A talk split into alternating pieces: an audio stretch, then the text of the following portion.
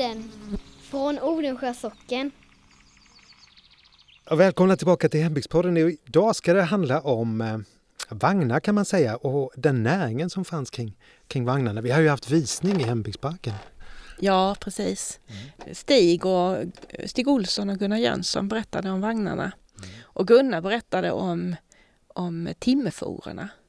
Det var spännande det. det var jättespännande. Mm. Det handlade ju om, det var ju ingenting som han minns utan det var ju hans, han, hans farfar hade varit med om det och berättat för hans far då. Och Gunnars far har berättat för honom. Mm. En historia som har levt i många släktled, ja. alltså med andra ord. Ja, vi, alltså, vi har ju en hästutställning som många av er vet i, i eh, Hembygdsparken just nu och vi har vagnar där också. Som vi visar, jag tror det var 40 personer som kom på den här specialvisningen och följde med Gunnar och Stig runt. Jo, det var välbesökt. Det var ju jätteroligt. Och alla ni som missade eller vill höra det här igen, nu ska ni få följa med på en resa till Halmstad på 1800-talet med en timmerfora fylld med bjälkar. En riktigt viktig extrainkomst för bönderna här runt omkring en gång i tiden. Och det är Gunnar Jönsson som berättar.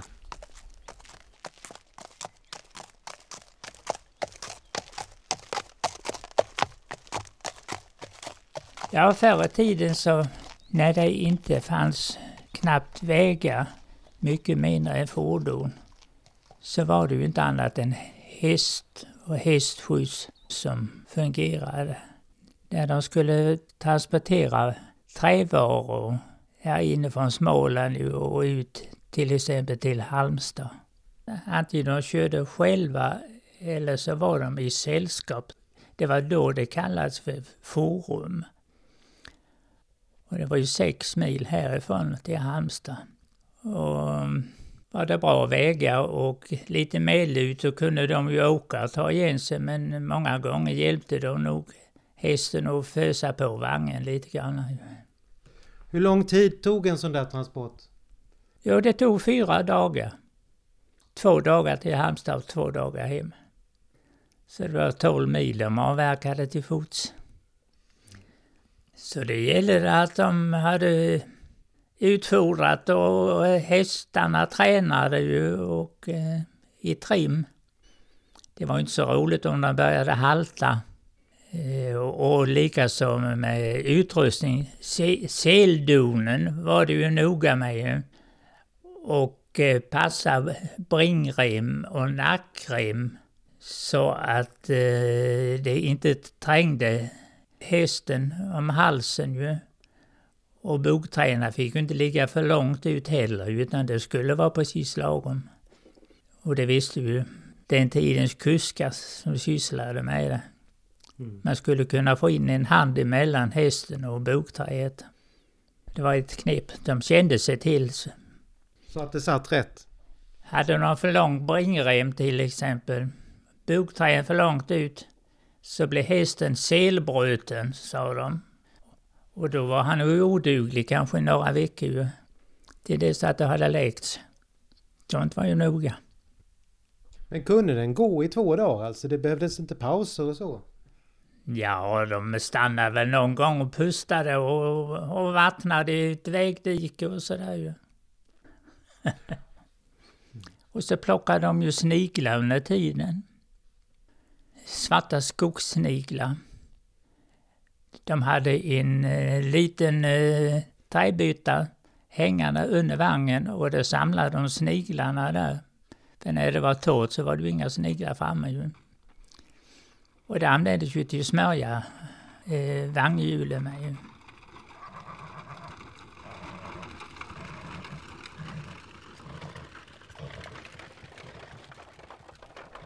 Min farfar hade i ungdomen kört många sådana turer, både själv och i sällskap. Och det hade berättats att det tog en dag att köra härifrån till Breared. Då var det kväll, så då skulle hästarna vila ju. Och en gång så kom han iväg lite sent eller hade för tungt lass. Så han eh, kom eh, fram till Breared när eh, husfolket hade lagt sig på det stället där han brukade logera. Och det var på hösten så det var mörkt och ruggigt. Han eh, ville inte väcka husfolket, men han visste var han kunde ställa in hästen. Och det gjorde han och utfodrade och vattnade. Och så skulle han själv ta igen sig lite. Då öppnade han logdörrarna och det var precis bekmörkt. Så han tog hästtäcket och la innanför dörren på golvet och så hösäcken till huvudkudde. Och där kröp han in och somnade. Men vaknade ju tidigt för hästen skulle utfodras innan de fortsatte sen ju. Det hade börjat bli lite, lite, lite ljusning. Men han tyckte det var en egendomlig miljö runt om för det, han, som han hade krupit in där så var det något lock över honom. Och han eh, då tittade och kände efter så var det två bockar. Träbockar som han hade krupit in under. Och när han tittade efter då var det en likkista som stod på denne bockarna. Och det var det en gammal tant som hade slutat och hon stod lik ute på logen som, som var mycket vanlig på den tiden ju.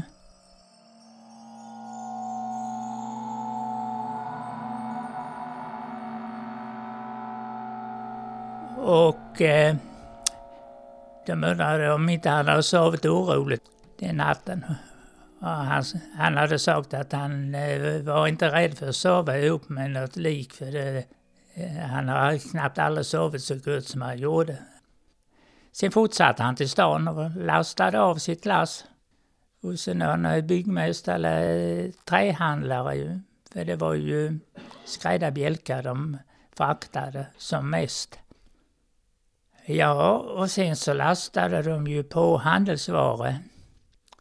Och det var ju mest eh, fotogen givetvis, och salt och socker. Och så krut var ju mycket viktigt också. Krut som de hade innan dynamiten till att spräcka sten med. Vad som var lite lumskt det var ju det att eh, Färden till Halmstad var ju inte så farligt. Men hem kunde det ju vara så att de hade lite pengar med när de hade sålt sina varor. Och då kunde de ju bli antastade utav rövare, kallade de dem, i eh, Så det var därför de gärna ville vara i, i sällskap, följena. Så det kunde vara långa rader med hästskjutsar.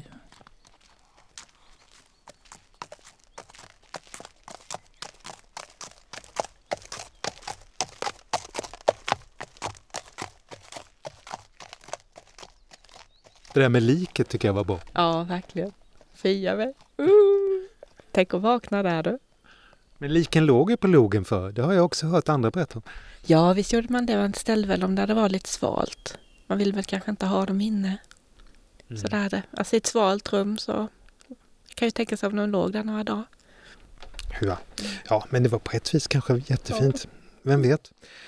Men du, vi har ju hittat en bok här faktiskt som heter Folket i Simlångsdalen. Den verkar rätt spännande.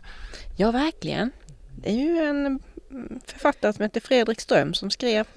Och han skrev väl om, om Simlångsdalen. Han måste ha haft eh, kopplingar dit på något vis. Ja, han, säger, han skriver ja. förordet här att det är hans liksom uppväxt. Ja. Men det roliga är att där skriver de om just de här resorna som, med timmerfororna som kom ner för backen, ner för den här fantastiska backen ner från höjderna där ovanför Simlångsdalen ner mot samhället. Så. Ja, och det måste varit mäktigt. De kom där, de kanske var då 50 stycken. Och backen svänger ju lite så att man måste ju sett oändligt ut när de kom. Mm. Och så jättehäftigt. Så jag tänkte att du ska få läsa lite här. Okej, okay. det gör du, har du gjort många gånger nu. Men... Ja, jag ska läsa avsnittet om det, om gästskivan och, och vad han berättade om och hans möte med timmerforerna. Mm. Nu tar vi oss tillbaka en gång till till 1800-talet och Simlångsdalen i Fredrik Ströms beskrivning i boken Folket i Simlångsdalen. Så här berättar han.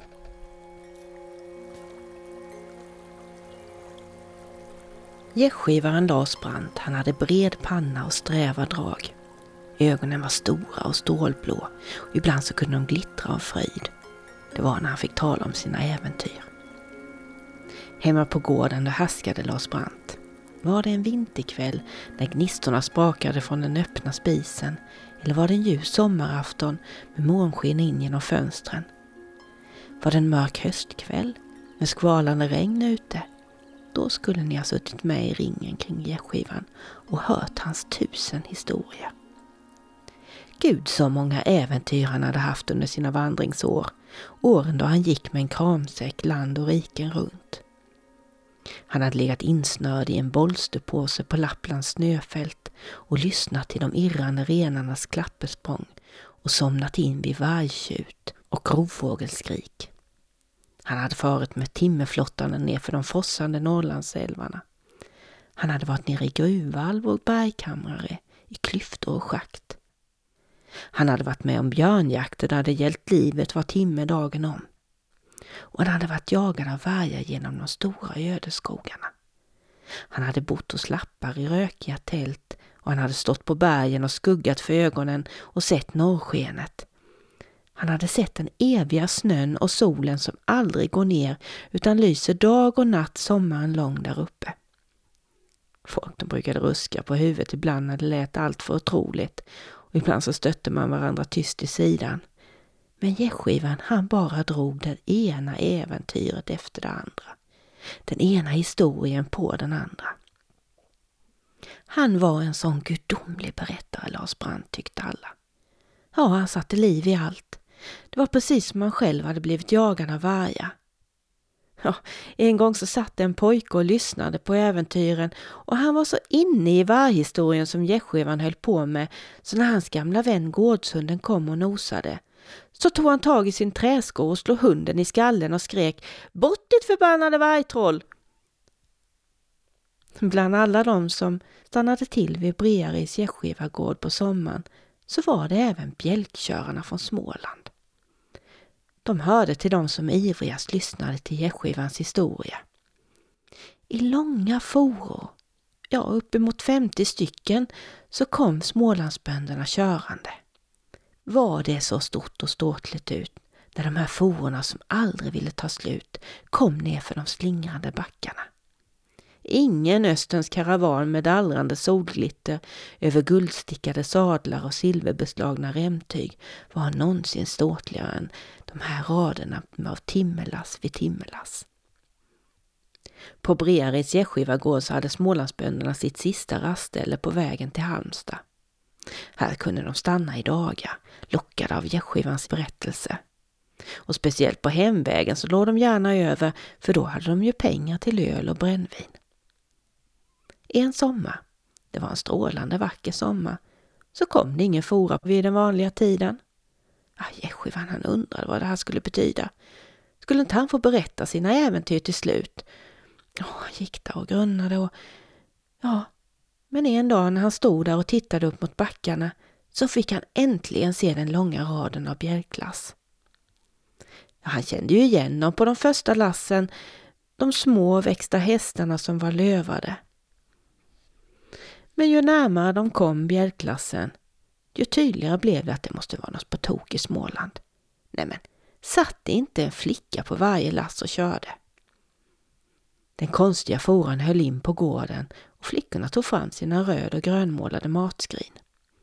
Då kom gästgivaren ut och frågade vad det här skulle betyda.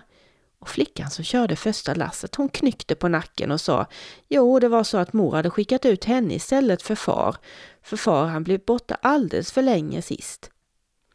Och mor hade också sagt att det var här i Breared som far hade blivit försenad och att det bodde styggt folk i Simlångsdalen och att gästskivan var den värste.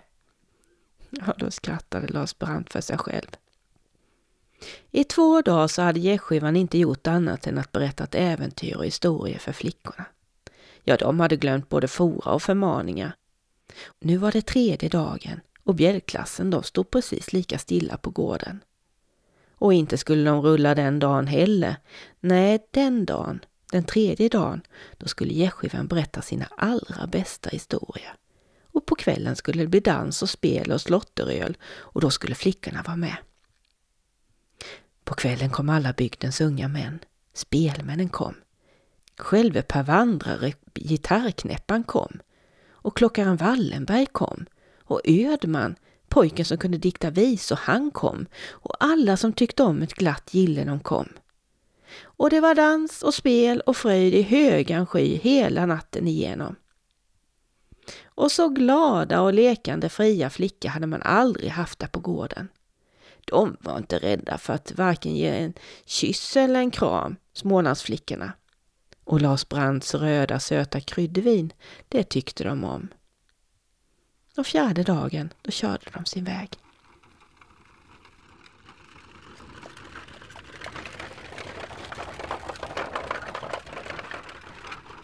Nästa sommar så kom det heller ingen fora på vid den vanliga tiden. Men efter en tid så kom den. Och gästgivaren när han fick syn på den, den kom i backarna, tänkte han, nej men det var väl konstigt. Hästarna var inte lövade som de brukade. Nej, det måste vara något på tok i Småland. Snart var de framme vid gården, bjälklassen. Nämen, det satt ju bara gamla kärringar och kvinnor på lassen. Kvinnorna körde inte fram på gården utan de höll in vid vägen och hon som satt på det främsta bjälklasset skrek över gårdsplanen om gästskivan var inne. Ja, gästskivan kom. Jaså, det är gästgivaren i Brearid. Fy han! Han måste skämmas. Tvi en sån kar. Spotta på honom skulle man göra om det vore rätt. Jag glo han, han skrämmer ingen.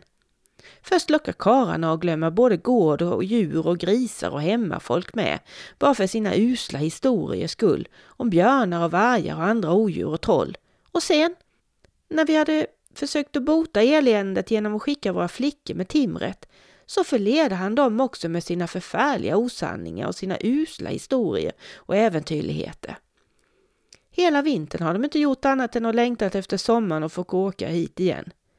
Nej, och så har de fått kärleksgriller till pojkarna här också. Är det kristligt? Och alla kvinnorna från de andra lassen, de stämde in och de knöt nävarna och hötte åt Lars Brandt där han stod och såg först lite sur ut men sen log han för sig själv. E-skivan han svarade inte utan han gick in och fick ut stora muggar med öl och starkdricka som han lät bjuda runt. Och när alla hade fått något att dricka så satte han sig på en stock som låg på gården och började berätta om varför flickorna hade kommit till att stanna och snart så var han inne på sina historier.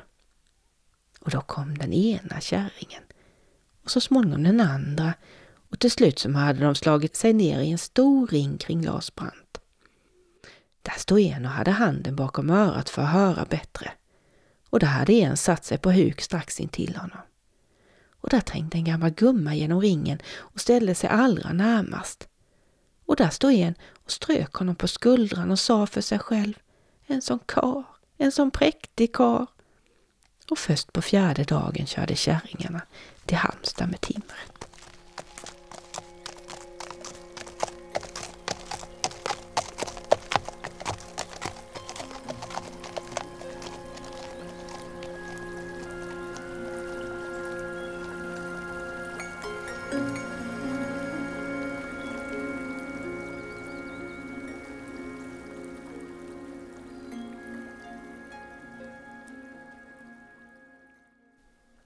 Det gick livat till i Simlångsdalen kan man ju lugnt säga va? Ja, det gjorde det. I alla fall enligt den här historien. Där var det fest och glam. Och musik långt in på natten.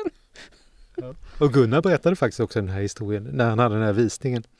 Han la till lite grann och tog bort lite grann, som han brukar göra. Men roligt var det i alla fall. Vi är snart tillbaks med en ny podd. Vi hörs, hej då!